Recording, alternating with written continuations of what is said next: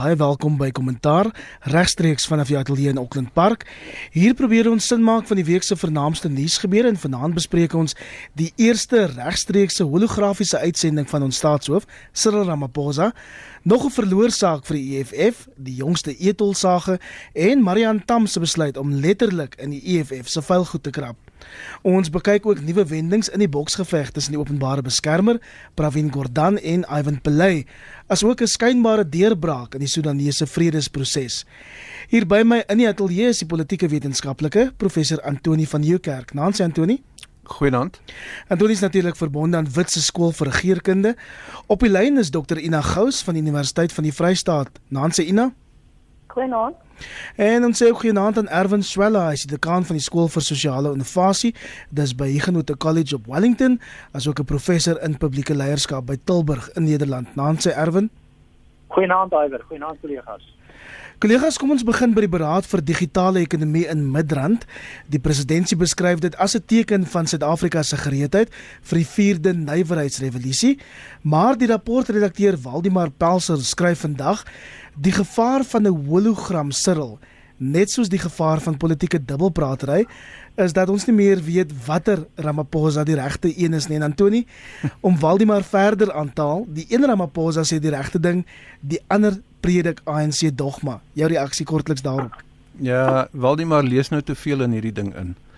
Uh ek dink dis belangrik dat die president die aksie lei vir die land om te sê dat die 4de industriële revolusie die digitale era belangrik is, belangrik genoeg is vir die nasie en vir die private sektor en die openbare sektor uh om genoeg kennis te neem van wat die voordele en die nadele daaraan verbonde is. Uh ek self is 'n uh, bietjie skepties oor die sogenaamde voordele van hierdie digitale revolusie. Dit werk vir mense wat uh wat vertroud is met tegnologie en wat die vermoëns het en die agtergrond en die opleiding om uh, ten volle gebruik te maak van sê maar 'n smartphone byvoorbeeld of uh, of die jongste tegnologie wat rekenaars aanbetref. Of 'n ontwikkelende land in Afrika voordeel kan trek dit lê nog op ons pad om uit te vind presies hoe. Want as jy sê daar's daar's 10 of 12 miljoen jong mense wat nie werk het nie dan kan dit mos nie outomaties die antwoord wees nie. So uh, ek is een wat sê ek is bly dat Cyril hierdie ding dryf, die president dryf hierdie aksie, maar hy moet bietjie die deur oopmaak vir ernstige navorsing sodat ons kan uitwerk waar want werk gaan verloor word. Uh soos wat uh, soos wat die nuwe tegnologie ou tipe van uh kenniskundigheid agterweë gaan laat en nuwe moontlikhede oopmaak. So die hologram ding, jy kry nou twee vir die prys van een. Ek hou daarvan. Dit gaan mense 'n bietjie op die agtervoet sit want waar is die president nou? Is hy in was dit Klerksdorp gewees of so snaakse plek? Is hy in Kaapstad of is hy in Pretoria? En uh met wie praat ons nou regtig? So daai mense kan 'n bietjie speel met die met die is die die die die prentjie daarso, maar die werklike storie agter die skerms is die private sektor en die openbare sektor moet hande vat sodat ons kan uitwerk watter werksgeleenthede lê vir ons voor. Dis 'n maak of breek geleentheid, dis 'n venster van geleentheid wat nou oopgegaan het. En om daarbey aan te sluit Erwin, die tegnologiekenner Arthur Goldstack, een van die bekendste tegnologie tegnologiekenners in Suid-Afrika, hy sê in nuwe navorsing wat toevallig ook hierdie week bekend gestel is, dat Suid-Afrikaanse ondernemings nie die nuwe tegnologieë vir die 4de nywerheidsrevolusie omarm het nie. Hoekom beskou jy dan of dan nie Ramaphosa se hologram toespraak as betekenisvol? Kom ons begin met die hele idee van die 4de industriële revolusie. Dit is nie so uitgemaakte saak uh dat die 4de industriële revolusie vir 'n land soos Suid-Afrika net voordele sal inhou nie. Dit sal afhang soos Antonio ook al reg gesê het van hoe ons hierdie saak kan bestuur. Uh die die beste uh, navorsing en ehm um, literatuur wat ek hieroor kon kry is die navorsing en literatuur van die Wêreldekonomiese Forum. En die Wêreldekonomiese Forum sê dat daar groot voordele in hierdie digitale tegnologie is wat gebaseer is op groot data wat met mekaar kan begin interageer en uiteindelik kan dit die geleentheid skep en ek dink dis waarna die president verwys dat 'n mens eintlik 'n ontwikkelingsfase kan as dit ware oorspring. Met ander woorde jy spring oor 'n ontwikkelingsfase. So as jy dit kan regkry om hierdie tegnologie te gebruik op wyse wat uiteindelik produktief is en uiteindelik ook die nadele wat dit potensiaal potensieel het oorkom, dan kan dit groot voordele hê. Dis egter nie so maklik nie. Ehm um, want dit het die geneigtheid, so sê die navorsing by die, die wêreldekonomiese forum ook, uh, dat dit eintlik ongelykheid groter maak. Ehm um, ons is in Suid-Afrika in 'n situasie dat as die private sektor sê uh dat hulle dit nog nie behoorlik kon on, omarm nie, eh, dan moet ons nou aanvaar dat in 'n in 'n in 'n land met 'n onderwysstelsel waar uh, in ehm um, leerders op op uh, graad 3 4 vlak nog funksioneel ongeletterd is. En hier moet jy nou goed doen so skodering kan hierdie ongelykheid eintlik verhoog? Dit kan eintlik lei tot groter werkloosheid. Tweedens uh, die hele digitale revolusie en die vierde industriële nywerheidsrevolusie of uh, uh, die industriële revolusie uh, werk met hierdie idee van interaktiewe benaderings waar tegnologie later met mekaar tegnologie begin praat en dit het geweldige uitdagings vir die veiligheid en sekuriteit van state maar ook ondernemings. So die hele idee van digitale sekuriteit moet mense nou gaan kyk. En in 'n land soos Suid-Afrika wat in die verband eh, dalk net kan kwesbaar wees moet mense gaan kyk. Die laaste punt wat die wêreldekonomiese forum hier oor maak is dit kan impak hê op mense se persoonlike identiteit en hulle belewenis want uiteindelik kan jy eintlik nuwe identiteite aanneem as 'n mens nou regtig in 'n sekere sin futuristies is dan is daar die idee dat 'n mens selfs um, genetiese manipulasie hiermee kan doen. Nou net om dit klaar te maak. Ek dink Suid-Afrika het 'n geleentheid hier, maar dit sal op 'n behoorlike manier aangepak moet word en dit sal moet aangepak moet word binne die uitdagings van ons konteks waar ons op hierdie stadium kliphard moet probeer om doodgewoon leerders op 'n um, uh, uh, uh, vroeë graad vlak ehm um, uh, geletterd te kry ehm um, wiskundig uh leesvaardig en en uiteindelik behoorlik uh, kan skryf en spel. So ehm um, meneer Ramaphosa is dalk 'n uh, uh, bietjie ambisieus hier. Dit gaan egter geleenthede skep en ons sal dit moet bestuur. Die hologram nou ja, ek ek dink dit is 'n bietjie 'n uh, 'n spel om te sê dit is wat die wat hierdie tegnologie kan doen. Ek is 'n innoveerder en ek is die dekaan van die skool vir sosiale innovasie. Ek hou van groot drome. Ek hou van visies. Ek dink ons moenie hierdie goed onderskat as inspirerende kwaliteit nie. Maar terselfdertyd moet mense ook realisties wees oor wat jy regtig kan regkry. Ina, ek is nogal bekommerd as um, Erwin sê dat dit ongelykheid kan groter maak, hierdie ding van nuwe tegnologieë, die vierde nywerheidsrevolusie, want ons woon in 'n land met skokkende werkloosheidssyfers en daar's maar altyd onsekerheid oor die impak van van mekanisering. Maar Maposa beloof aan die een kant 'n vaardigheidsrevolusie en dan sê hy in dieselfde asem 'n vaardigheidsrevolusie wat menslike kapitaal in die vierde nywerheidsrevolusie sal behou. Is nie 'n bietjie van 'n teenstrydigheid nie. Jou reaksie? Wel, ek dink nie regtig so daai deel daarvan. Ek dink mekanisasie is net vir 'n uh, gedeelte van hierdie vierde uh, nywerheidsrevolusie. Ehm um, dit is so, dit is met uh, kwart oor big data, wat vir autonome masjiene, robotte, kunsmatige intelligensie en so voort. Maar dit gaan ook oor aanpasbaarheid. En uh dit is data gedrewe, maar dit is ook baie beslis mensgedrewe en dit gaan op die ou ende oor hoe, hoe vinnig jy reageer op verandering.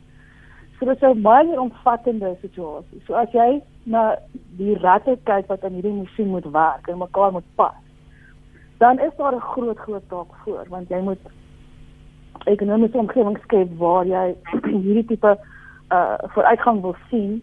Jy moet 'n werkersmag skep wat daar binne gaan pas. Met ander woorde, jy moet dan reeds begin beplan vir uh sê nou maar heropleiding van die huidige werkerskop. So jy moet baie spesifieke vaardighede en vaardighede wat ehm um, veelvuldig is en aanpasbaar is kan skep vir vinnig alles gaan verander.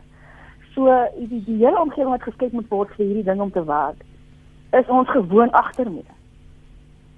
En tyd vir Anna, weet eh, vir vir vir vir en al dink ek is dan ons moet dit gewoon vinnig bykom. En ek dink daar gaan die probleem lê. En en en ek weet nie op die stadium of die politieke omgewing in die eerste plek reg is nie, maar daar's nog steeds windgevegte en nie is uh, ooreenkomste oor wat moet gebeur met die ekonomie nie en op watter wyse nie. So daar's baie klippe wat nog in die pad is. En as jy nou op die ou einde kom by 'n situasie waar jy hierdie vaardighede het in 'n werkersmag, maar daar's nie vir op die ou einde werk wat dan dan gaan hulle uit die land uit. So daar's baie dinge wat in plek moet wees. Antonie, dis 'n interessante aanhaling daarvan. Ina tyd vir inhalers dan nie. Ons moet doodgewoon bykom.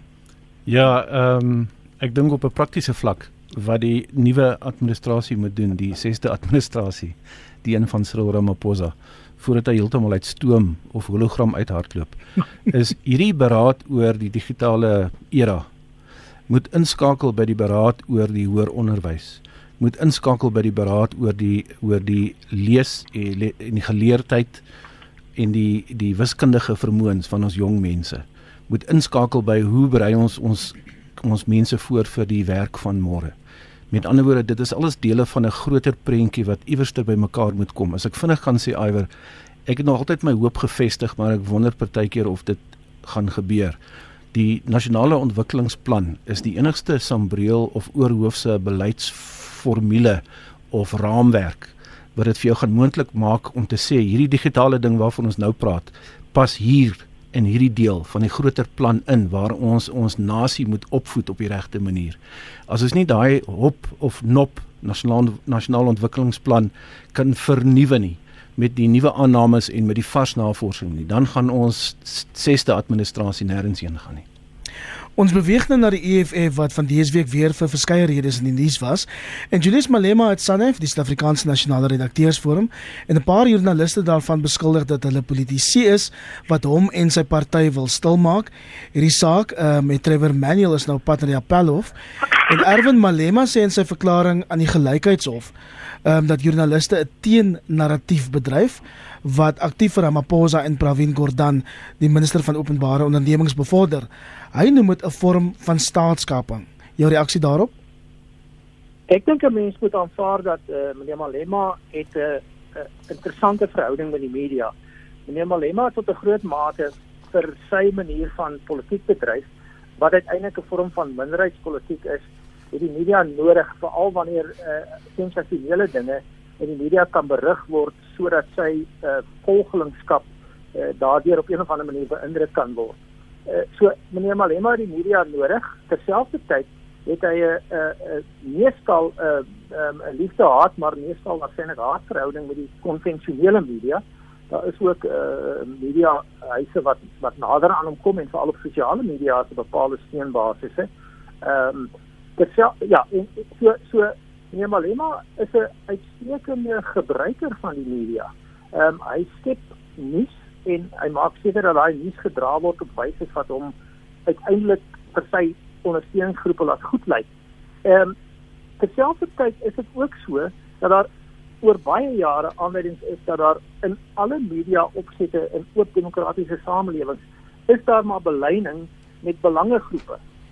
So die media, media wend alle pogings aan waarskynlik om media etiek uh, behoorlik te toe te pas uh, daar's 'n klomp uh, uh, regulatoriese raamwerke in Suid-Afrika nou nog nie direkte re regulering nie alhoewel daar was al van die ANC se kant af sprake daaroor.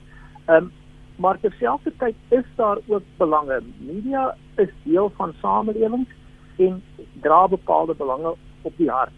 Ehm um, en mens kan seker sê dat die kleiner partye en kleiner magsgroeperinge kry dan minder media dekking wat hulle as positief sou beskou meneer Malema sal dit inklee is dat dit is groot wit ekonomiese kapitaal wat altyd op op op, op bewyse tot sy nadeel optree en wat die, dan die ander politieke teenstanders van hom uh, bevoordeel. Uh, dit is soos dit werk in in in die wêreld en meneer Malema um, ons weet mos nou van die poging om die New Age koerant te skep en alternatiewe media te skep dit is die ander dilemma om om groot media instansies deesdae te bedryf en in stand te hou en volhoubaar aan die gang te hou verg um, groot finansiële insette en in die meeste gevalle is hulle nie meer winsgewend nie. So die hele media landskap verander. Nee Malema sal maar moet aanvaar wat hy het is wat hy is wat hy het en hy sal daarmee moet saamlewe en dan wat die regulatoriese omgewing moet gebruik. Hy kan sekerlik die saak uitmaak en hy doen dit dat die media hom benadeel en die ander mense bevoordeel, maar hy self gebruik die media baie vaardig, kundig en vlytig tot sy voordeel wanneer hy dit graag wil doen met sy vorm van van politieke kommunikasie. En nou hierdie spesifieke saak is ook belangrik omdat dit die aanspreeklikheid definieer van politieke partye teenoor die ondersteuners wat in hulle naam byvoorbeeld tweet of dinge op Facebook sê. Kan die EFF of enige politieke party dan verantwoordelik gehou word vir wat op sosiale media in hulle naam gesê word deur hulle ondersteuners. Miskien jy ondersteun self nie, maar ek dink as hulle dit ehm um, uh jy weet beskerm en as hulle daarmee saamstem, as hulle dit byvoorbeeld ehm um, goedkeur en nie dadelik hulle self daarteen uitspreek nie, dink ek kan daar uh, jy weet uh, begin aanspreeklikheid gehou word. Ek dink die groot aspek hier is ehm um, dit gaan met algemeen goed met die EFF op die stadium wat uh, die regplaas aanbetref in die howe nie. Dit kos hulle geweldig baie geld. En ek dink hulle fokus moet nou verskuif na dit wat ehm um, jy weet pragmaties is en dit wat konstruktief is en ek kan nie verstaan dat daai lig nog nie opgegaan het. Ehm um, jy weet hierdie tipe van uh, as aksies en die feit dat as die howe nou teen hulle besluit dat dan begin uh, voorhou dat dat, dat die howe nou ook gekaap is. Is daai tipe retoriek en goed wat vir my problematies begin word. En uh, wat wat wat ek voel ehm um, baie dit dit uitgespreek moet word en dat die media op dit moet begin fokus op daai tipe boodskap wat hulle begin uitstuur en dit gebeur nie vir my genoeg nie. Jou reaksie, Antonie, dit lyk of jy saamstem nie? Ja, met Ina of met Erwin? Met Ina. Ja, nee, ek stem saam met albei, maar ek het 'n bietjie van 'n siniese benadering tot die EFF se gebruik van die media. Uh hulle doen dit baie slim. So as as as die EFF joernaliste ehm um, gaan verklaar dat hulle gekant is teen hulle of dat hulle standpunte in inneem of dat hulle die regerende party voorstaan of dat hulle sleg slegte stories skryf oor die EFF of, of dat hulle in die volle sakke gaan krap en so aan. Dis alles 'n vorm van politiek wat bedryf word. Dit beteken meer uh suurstof vir die EFF se media strategie. So sodra hulle 'n paar joernaliste by die naam noem, dan kry hulle meer media dekking van van dieselfde middelklas liberale media uh, waarvan ons nou almal maar deel is, lyk dit vir my. En die EFF ehm um, vind baie daar daarbey. So ek dink hulle hulle glimlag. Hulle sit terug, hulle gooi klippe in die hoenderhok en hulle kyk wat kyk wat uitkom. Dis natuurlik uh ek, ek maak nie 'n oordeel oor die uh die meriete of die die wat is die woord wat ek soek. Ehm um, of dit reg of verkeerd is nie. Uh of die etiek of die moraliteit daarvan nie. Ek sien net 'n klein politieke party, dis soos Andile Mkama. Dis 'n klein BLF wat dieselfde ding doen. As hy nie die media kan kan wakker maak en kwaad maak nie, dan kry hy nie media dekking nie. So hulle is baie gelukkig met die tipe van goederes wat hulle op die voorblaaie kry kollegas sonder dat ons dit beplan het is tegnologie en sosiale media lyk like my een van die sterk temas vanaand na aanleiding van die vernaamste nuusgebeure van die week hier op kommentaar. Die president het hierdie week Tito Mboweni, die Gautengse premier David Makura, as ook verskeie ander ANC ringkoppe in die openbaar in die bek geruk, dit nadat hulle op sosiale media beklei het oor wie vir Gautengse omstrede etolpaaie moet betaal. Antoni Ram Ramaphosa sê dit is onverpas, onvanpas vir mense in sulke hoë amptes. Sjoe, dis dis 'n dis 'n tamaletjie hierdie wat ehm um, ek dink Erwin wat klas gee in dieselfde tipe van goed as ek en dalk Ina ook baie goed van weet. Jy weet die die e-, etol sage gaan terug na die tyd van die wêreld sokker sokker was dit 2010. ja, 2010. Ja, dis lank terug. En uh ons sê vir ons studente in die klas dat beleid moet gevorm word, uh geformuleer word. Daai proses moet ook konsultasie insluit en dit lyk vir my as die regering nie genoeg gekonsulteer het met die belanghebbendes by hierdie etol projek nie. En dit het, dit draai die hele tyd teen die ANC teen die Gauteng ANC maar ook nasionaal. Tot op so vlak en ek ons kon nie verlede jaar voorspel het dat hierdie ding die ANC so swaar gaan byt nie. Dat die president van sy senior ek moet uh, David Makura uh uh in uh, Tito senior mense wat hy heel waarskynlik aan sy kant reken uh moet uh in die openbaar berisp oor die manier die tipe van bekgeveg wat aan die gang is. Ek dink hierdie week wat voorlê sal ons sien, sien hoe die ding verder uitspeel. Ek kan my nie voorspel 'n uh, voorstel iwer hoe die ding gaan uh opgelos word nie, want die een kant sê laat die laat die kapitalisme en die vrye mark uh die verbruiker betaal die ander kant van die ANC sê maar wag 'n bietjie ons is 'n kollektief. Ons moet mense ondersteun wat sukkel om hierdie goederes te bekostig. Ons moet die dinge bietjie subsidieer. En ek kan nie sien watter een van die twee gaan wen nie. En trouens miskien is dit 'n vlaggie vir ons om te sien wat in die volgende paar weke gaan gebeur in watter rigting gaan die ekonomiese ideologie van die ANC gedryf word. Erwin die president het die spil nie net uitgetrap nie maar ook huiswerk gegee. Hulle moet teen einde Augustus oplossings aan die kabinet voorlê.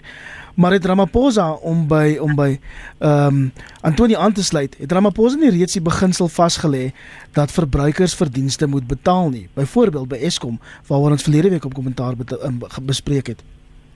Dit is 'n uiters netelige beleidsprobleem. Ehm um, wat uiteindelik 'n dilemma veroorsaak. En ek dink daar's 'n klomp elemente hier, maar kom ons begin by die wesentlike of die substansie van die beleidsvraagstuk. Beleid soos politiek gaan oor wie kry wat, wanneer, waar en hoe. Uh en daar is weer eens 'n uh, uh, afweeg van belange. En hier is stelle belange groot uh belange uh instansies en dit koppel dan aan bepaalde idees en ideologiese beginsels. So wanneer Antoni sê hier's 'n ideologiese meningsverskil, dan gaan dit daaroor om te sê hoe kan ons die beste paaie en padinfrastruktuurdienste lewer? Nou daaroor is daar 'n klomp modelle en finansieringsmoontlikhede. En die breë trekke is dit die mense wat dit gebruik betaal of van die alternatief jy skep dit as 'n sosiale uh uh uh goed, social good en en dit dra dan by tot die ontwikkeling maar iewers vandaan moet jy inkomste genereer. Nou met die staat en die fiskus wat onder geweldige druk is met al die ander swigtende en falende staatsondernemings met begrotingstekorte met staatsdepartemente wat soos uh, die departement van waterwese wat letterlik uh, insolvent is, um, maar wat dan moet by bou is die is die situasie uiters dilematies. En uiteindelik kan ek nie sien uh, dit het nou vir die ANC groot politieke kostes. Maar ek kan nie sien hoe jy nie op of ander manier ehm um, op die beginsel dat daar niks is soos 'n gratis middagete nie. Iewers moet iemand betaal. Hierdie idee dat daar gratis onderrig, gratis padinfrastruktuur, gratis mediese dienste beteken eintlik maar net dat iemand anders betaal daarvoor. En die beste beginsel is waarskynlik die gebruiker betaal. Die ander element van hierdie beleidskwessie is dat dit vir die ANC groot ondersteuning gekos het in in in die vorige provinsiale en munisipale verkiesings en uit die aard van die saak is dit vir hulle 'n interne politieke kwessie binne die ANC is daar verskille oor hierdie sieninge van wie moet betaal wat gebaseer is op bepaalde ideologiese uitgangspunte? Die Mboweni is klaar blyklik nader aan die meer markgerigte gebruike betaal eh, benadering. En dan is daar ander waarnemers spesifiek in Makura is nie noodwendig teen hierdie ding nie maar dit sit nou in Gauteng en dit kos ons steeds So daar's 'n politieke dimensie hier. Om dan nou nie lank verhaal kort te maak, miskien moet mense net daarbey aansluit en sê daar is blykbaar ook politici wat hulle doodgewoon net nie kan weerhou van die van die 180 karakter 1 minuut van ehm um, moontlike uh uh uh fame of blame um, om goed te tweet en waarskynlik dan ook redelik laat in die nag vir bepaalde redes. Ehm um, wat wat beteken dit? Wel, ek wil nie graag daaroor spesifiek. Ehm wat wat wat wat in elk geval ehm um, is er waarskynlik ja, ons is op hierdie stadium 'n bietjie meer realisties as hulle. Ehm um, hoe dit ook al sê. Ehm um, dit dit beteken dan dat daar vir die, vir die party groot koste is. Daar's reeds 'n hele aantal verdelingslyne in die ANC wat die ANC eintlik benadeel So hierdie goed moet hulle op 'n of ander manier beter bestuur, net soos die DA dit behoort beter te bestuur, net soos ander politieke partye waarvan ons nou minder voorbeelde sien, dit beter behoort te bestuur. Maar hierdie Twitterraadie wat 'n wat 'n soort uh ja, 'n soort behoefte om in die openbaar te wees in 180 karakters Ehm um, dit lyk my die keiser is dit wel skaal onder die omstandighede. En dis daarom nie net politici wat hulle hieraan skuldig maak nie, mense sien dit ook in ander beroepe. Ina, is dit nie tyd dat 'n sosiale media beleid vir parlementariërs ontwikkel moet word nie, ver weg van die politieke partye en diplomate? En diplomate. Ja, ek dink tog so. Ek dink nou moet 'n tipe van 'n beleid begin inkom veral wanneer die die boodskap begin um onduidelik raak uh, as jy as 'n regerende party of as 'n regering 'n sekere beleid het of of, of wil aanvoer. Um, dan dan moet daar van gepraat word ter wille van die die die konsensus wat daar is. Um, hierdie spesifieke situasie is wel vir my is ek kan nie verstaan dat dit so groot verrassing is nie. Jy weet, uh, nou het mekaar uit absoluut in sy veldtog voor die verkiesing gesê baie duidelik hulle wil van Ethel ontslaa raak in Gauteng. En toe is daar vir my nie vreeslik pogings aangewend om hom in die bek te ruk. Want stemme is stemme. En eh, as daar verwag ewe skielik van hom om nou daarvan af te sien en hy is nie bereid om dit te doen nie. En nou slaat dit oor in 'n in 'n in 'n in 'n jy weet 'n geveg op op op, op sosiale media. En dit moet vermy word. Ehm um, want dit is die die die die onbenulligheid waarmee hulle op die ou ende sit en die onduidelikheid wat wat Suid-Afrikaners dan is. Ehm uh, Antonie, jou reaksie? Daar's geen manier dat ons reëls kan maak wat vir die verbruikers van Twitter of Tweet gaan reguleer nie. Trouwens, ek is baie bly dat mense dit gebruik. As dit nie was vir Trump se se se gereelde tweets en en ja, vinnige uitsprake nie, dan het ons nie geweet hoe hy dink oor buitelandse beleid of buitelandse sake nie of oor Afrika nie. Dis baie handig. As dit vir hierdie tweets en Twitters was, nie het ons nie geweet hoe hoe politici dink oor ander mense nie. En as dit nie vir hierdie uh, sosiale media was nie, het ons nie geweet wat sekere diplomate in die buiteland werklik waar dink van hulle medeburgers in hierdie land nie en dit laat ons dan toe om om 'n uh, ontleding te doen, 'n analise te doen, 'n oordeel te vel en vir daai mense in 'n in 'n in 'n op 'n manier te hanteer. En dis dieselfde vir almal. As iemand mal gaan om met 'n Twitter en 'n tweet en alle alle grense van redelikheid oorskry, dan weet ons mos wat om te doen. Want baie keer kom daai goeie soos soos Erwin gesê het laat in die nag, die goed kom uit die hart uit. die of uit die bottel uit as jy my vra. Of uit die bottel of in die slaapkamer uit. Die mense praat soos hulle regtig waar dink en voel. And I want to know that. Ek wil weet wat dink daai vrou daarso in Denemarke van wit mense. En sy het gesê En dit gaan aan trouens as jy Vrye Weekblad lees, dan moet jy sien dit draak al hoe rower.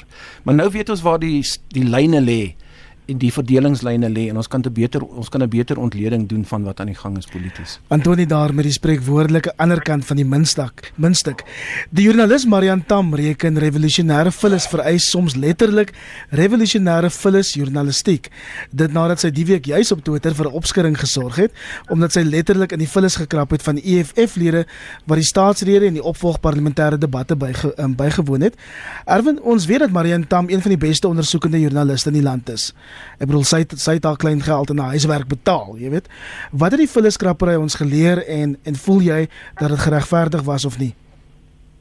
Nou, ek sou dit nie doen nie, maar uh, dit is natuurlik dan nie ek wat dan. maar jy's ook 'n joernalis nie, Erwin. Presies ja. Uh, ek het net uh, in die week 'n bietjie my uh, my my navorsingsmetodiek en metodologie spesifiek in opsigte van kwalitatiewe navorsing opgeskerp en hierdie is wesentlik 'n etiese vraagstuk. Uh, en in etiese vraagstukke moet jy gaan kyk watter doele dien jy uh, op die beste wyse. Ehm uh, en ek het eintlik interessant genoeg in in in in uh, in die opskerping van my van my vaardighede nou 'n bietjie oor kwalitatiewe navorsing is daar baie interessante goed wat gebruik word. Onder andere is daar al van tevore uh, navorsing gedoen oor oor weet die soort van afval wat gegenereer word deur huishoudings om te kyk wat hulle lewenspatrone en lewensgebruike is. So dit is so ongewoon nie. So dan word die vraag eintlik ehm um, dit is 'n soort aanduier van menslike gedrag. Hoe mense optree. Wat jy uiteindelik op uh op die wêreld loslaat in die vorm van afval is 'n aanduier van jou gedrag. En politici moet aanvaar dat hulle gedrag uh vir al die redes waarna Antonie ook nou net verwys het, moet die hele tyd uh as dit ware in oënskou geneem word en dan moet oorsig oor wees. Ehm um, so dit is nie so ongewoon nie. Ehm um, ek dink uh, meneer meneer Malema hulle ehm um, ehm um, proteseer uh, uit die aard van die saak, maar wat daar buite is is dat daar's aanduidings dat uh, meneer Malema en van sy geleedere 'n uh, bepaalde stel standpunte het wat sê dat 'n mens moet ehm um, ehm um, tot 'n groot mate sober lewe. Jy moet uh, ordentlik optree, jy moet uh, nie buitelandse mense bevoordeel nie en jy jy moet al hierdie dinge doen. Maar hulle gedrag wys dit anders uit. En hierdie is doodgewoon getuienis van hulle gedrag. Ehm um, of dit nou doenbaar is of nie, ek dink nie ehm um, Marianne Tam ehm um, dis haar keuse sy het dit gedoen en ek dink nie daar's daar's 'n sterk etiese reël daarteen nie. En natuurlik gaan dit politieke uh impak hê en meneer Malema hulle gaan soos hulle met hierdie goed doen absoluut daarteen protesteer, maar miskien kan hulle dit ook verander deur net ander soort afval te genereer. Dis nie net die ehm um, die EFF wat daarteen geprotesteer het nie. Uit media geleedere was daar ook baie kritiek. EWN skryf byvoorbeeld in 'n meningsstuk: "Die vulleskrappery dryp die toets om die skynheiligheid van die rooi bereis bloot te stel in plaas daarvan het dit bygedra tot die geleidelike afname van die publiek ehm um, se vertroue in die in die journalistiek." Ina, hoe het jy dit ervaar? So as leser kan ek sê dit nogal lig gewerp op seker nog op dit weet geweet het, maar op op op op, op 'n lewenswyse wat verwyderd is van uh van dit wat die EFF staan, ja. EFF sê hulle voor staan. So ehm um, dit dit was baie interessant om te sien. Kyk as jy sê jy self sê joernaliste moet besluit ehm um, of hulle dit wil doen of nie, sy het besluit sy wil dit doen. Sy het uh, baie goeie argumente gevoer van dat dit 'n geldige wyse is waarop uh, onderskeid gedoen kan word vir joernaliste. Ehm um, dat dit al baie gedoen is, dat daar redes voor is. Ehm um, wat vir my interessant was is die is die is joernaliste onder andere jonger joernaliste wat nie so gewoond is aan daai tipe 'n uh, eh, uh, eh, manier van doen nie. Wat hulle daarteen uitgespreek het. En wat dan allerlei voorstelle doen van hoekom jy die ou se uh, jy weet se se se goed gaan ondersoek nie of daai ene nie. Dan sê almal hoor nie maar dit staan jou vry. Uh, hoekom moet sy dit dan nou uh, ook op haar neem, jy weet? En die sogenaamde online abuse wat sy deurgegaan het agterna. En die wat my aanbetref ongelooflike uh, goeie wyse waarop sy dit hanteer het. Sy het daar nie wat intimideer nie. Sy staan met wat sy gedoen het. En uh, daai deel was vir my goed om te sien. As leser soos ek sê, was dit 'n 'n 'n soeklig wat geplaas het op iets wat ons eintlik reeds weet, maar wat goed was om te sien. Hmm. Ons moet volgende um, aanbeweeg na die volgende onderwerp en ons praat volgende oor advokaat. Ja net gou vinnige opmerking. Een van die bekendste uh gebruike in in in, in politieke media uh analises is die die hele konsep van mak raking, nê. Nee, dit is nou regtig om gemors te gaan by mekaar maak. Nou hierdie is eintlik 'n prima voorbeeld. Dit is eintlik uh al jare lank so hulle kyk net nie na die na die inhoud van die astrom nie, hulle kyk maar net na die inhoud van die idees en die en die inhoud van die beredenering. ons moet ander weer kollegas, ons praat volgende oor advokaat Bosisi Mkobani se bevinding dat Pravin Gordhan onwettig opgetree het met die stigting van die sogenaamde spionasie eenheid in die Suid-Afrikaanse Inkomste Diens. Ehm um, Antoni die openbare beskermer bevind dat Ramaphosa teen Gordhan moet optree en dat die vervolgingsowerhede verder ondersoek um, moet moet doen. Wat gebeur volgende? Want Gordhan en Kie gaan dit sekerlik nie net aanvaar nie. Ja nee, hulle het dit nie aanvaar nie. Dis nou nog 'n verdere tamaletjie 'n uh, dilemma vir die regerende party. Dis dis 'n groot gemors waarin waarin die president homself bevind. Ek dink nie hy het uitgesien na hierdie of dit ewen selfs kon voorsien nie. Uh daar's twee goeders op die spel lyk like dit vir my. Die een is hierdie rogue unit, uh hierdie uh kamma uh, uh intelligensie eenheid hmm. wat skynbaar ontbloot is wat uh teen alle reëls uh, opgestel is. En dis waar, die grondwet maak net voorsiening vir die intelligensiediens om sulke werk te doen. En so SARS kan nie so eenheid gestig het nie. Ons weet nie soos wat ons hier praat of ek weet nie of watter reëls hulle oortree oor oorgesteek het nie. Die ander een is dat Ivan Pillay wat deel is van hierdie prentjie uh skynbaar skuldig gevind is uh dat hy met vervroegde pensioen afgetree het en toe weer teruggekom het om as 'n as 'n kontrakteur te werk. Uh uh ja en en dat Pravin Gordhan dit toegelaat het toe hy die SARS kommissaris was 'n klomp jaar terug. As jy al hierdie goeders bymekaar sit, dan lyk dit vir my dat die president, soos wat hy probeer die jaar gebruik wat nou voorlê om die land te stabiliseer en die ekonomie weer aan die gang te kry, beklei met sy een hand agter die rug. Hy moet die die die stabiliteit van die van die land en van die regerende party oorweeg. En hier kom die openbare beskermer en sy krap in sy saak en sy maak hom twee keer of drie keer laat dink. Ek som, so, voeg sy nom voeg sommer ook nou nog by die skenking wat aan sy seun gedoen is wat hy in die parlement verkeerd hanteer het. So hy staan voor drie sake en ehm um, hy het 'n regspan wat dag en nag werk om die howe te betrek om om om hom weg te hou van die moontlikheid dat hy in die openbaar sal moet antwoorde gee vir hierdie probleme. En weet jy hoekom dit kry ek so 'n holkol op my maag, so 'n nare gevoel? Is Jacob Zuma dieselfde spel gespeel vir 20 jaar? En ek ek en, en ek is baie bekommerd dat die ANC in hierdie rigting gaan gaan. En as dit inderdaad die lokval is wat vir Cyril gestel is om tot 'n val te kom sodat die staatskapers kan terugkom, dan dink ek is dit sy grootste uitdaging. Erwin, ehm um, jou reaksie baie kortliks? Wel, ehm um, dit is sodat 'n mens moet gaan kyk na die feite en die reg. Die die manier waarop die howe werk en eintlik sulke quasi-judisiële prosesse of quasi-regtelike prosesse soos die vir die openbare beskermer is. Jy moet gaan kyk na die feite en die reg. En dit wil voorkom asof daar wel aanduidings is dat daar in terme van die reg en die grondwet word aangehaal hier bepaalde dinge is wat anders sou kon gebeur het. Terselfdertyd moet 'n mens dan ook gaan kyk na prosedurele geregtigheid en na konsekwentheid. En ek uh, voorsien dat dit wel 'n ernstige kwessie is en dat meneer Ramaphosa dit sal moet hanteer. Terselfdertyd wil ek ook sê dat uh, die die openbare beskermer advokaat Kobana um, ongelukkig skep nie die indruk dat sy altyd die reg of die feite reg kry nie en mm. veral nie dat sy absoluut onpartydig is nie. Sommige sake ehm um, wil dit vir my lyk uh word nie aangespreek nie en ander word met groot ywer aangespreek. So dit het weer die impak van die verswakking van ons instellings. En ek dink dis waar ons moet aandag gee. Ons moet ons instellings sterker maak en as dit dan beteken dat meneer Ramaphosa hier aanspreeklik gehou moet word, heeltemal reg, maar dan moet dit konsekwent gedoen word sonder voorreg en sonder bevoordeling vir al die ander mense en dit lyk dit my kry die openbare beskermer sekerlik ook in elk geval hierdie een nie reg nie. En nou jou reaksie?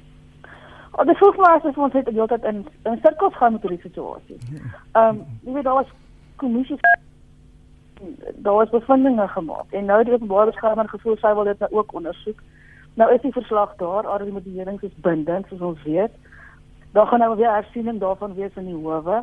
Sonder deur wie ook al daarna ehm um, jy weet aan, aan die verkeerde kant is van daai bevindinge wat die hof gaan hê. Uh en party van hy het ook nog weer gesê al die bevindinge van deeglike ondersoeke wat wat hulle gedoen het daar. En nou die president gesê hy sal nie optree voordat die die die, die hofproses in ehm um, weet voldoende is nie. So ek dink die proses gaan nog hele ruk aangaan ongelukkig. En intussen is dit weet moet met minister Gordhan baie belangrike werk om te doen het die president baie belangrike werk om te doen en al hierdie goed uh jy weet dit klippe in die pad. Kollegas voor ons groet, daar was 'n skynbare deurbraak in die Sudanese vredesproses. Die weermag en burgerlike oppositie gaan as ek dit reg verstaan oor die volgende 3 jaar die mag deel. Antoni voldoen hierdie ooreenkoms aan die demokratiese beloftes vir alles die weermag dan nou beheer gaan bou. Ja, op die op die oog af lyk dit na 'n deurbraak en dis goeie nuus want die land is onstabiel, mense gaan dood uh die betogers word geskiet en so aan en so meer. Sudan is 'n belangrike land in Afrika, strategies geleë, baie olie, die Chinese, die Amerikaners, die Europe, almal stel belang, selfs ons Suid-Afrikaanse privaat sektor stel belang. Almal wil daar wees. So dis baie belangrik. Maar as jy bietjie dieper kyk, dan is dit uh, problematies. Ons weet met ons eie oorgang, ons het 4 jare 1990 tot 1994 met Kodessa gesukkel. Baie mense het in daai proses doodgegaan. Soos wat ons met, met mekaar beklei het om 'n grondwet te vestig, hmm. om 'n uh, regeerstelsels te vestig en 'n kultuur te skep waar die militêre uh hulle plek en rol in die demokratiese samelewing verstaan. Die Sudanese is nie naaste by op daai punt nie. Dis die begin van 'n lang proses. Dit kan heeltemal skeefloop. Die een klomp kan gekoopteer word deur die ander deur die ander kant en dit is die vrees wat mense het dat die militêre eintlik die ekonomie van die land bestuur en dat die protesteerders maar nou vir op verskyn 'n uh, deel word van die proses. So ek is positief in die sin iwer dat as as Sudan ondersteuning kan kry van die internasionale gemeenskap en sommer van ons as Suid-Afrikaners ook om hulle te sê dis hoe ons die waarheid en versoeningskommissie bestuur het. Dis hoe ons 'n grondwet geskryf het. Dis hoe ons minderhede insluit. Dis hoe ons ons land probeer stabiliseer. Dan dink ek het ons baie om vir mekaar te sê en die Sudanese dink ek is welkom om by ons te kom kuier en ons moet by hulle gaan kom kuier want op die koop toe as as Sudan en Suid-Sudan in mekaar val, dis 'n bietjie soos die Kongo. Dan is daar niks omtrent niks oor vir Afrika nie. So ons moet betrokke bly. Val op daardie effens positiewe noot met ons groet hier op kommentaar. Baie dankie aan die paneel, professor Antoni van Heekerk van Wits, Nancy Antoni. Dankie goeienaand aan almal. Dankie dokter Ina Gous van die Universiteit van die Vrystaat. Wat is laat julle? Ook professor Erwin Swela van die Skool vir Sosiale Innovasie by die Genote College, asook Tilburg in Nederland. My naam is Iver Price. Ek groet tot volgende Sondag aan. Lekker aan verder.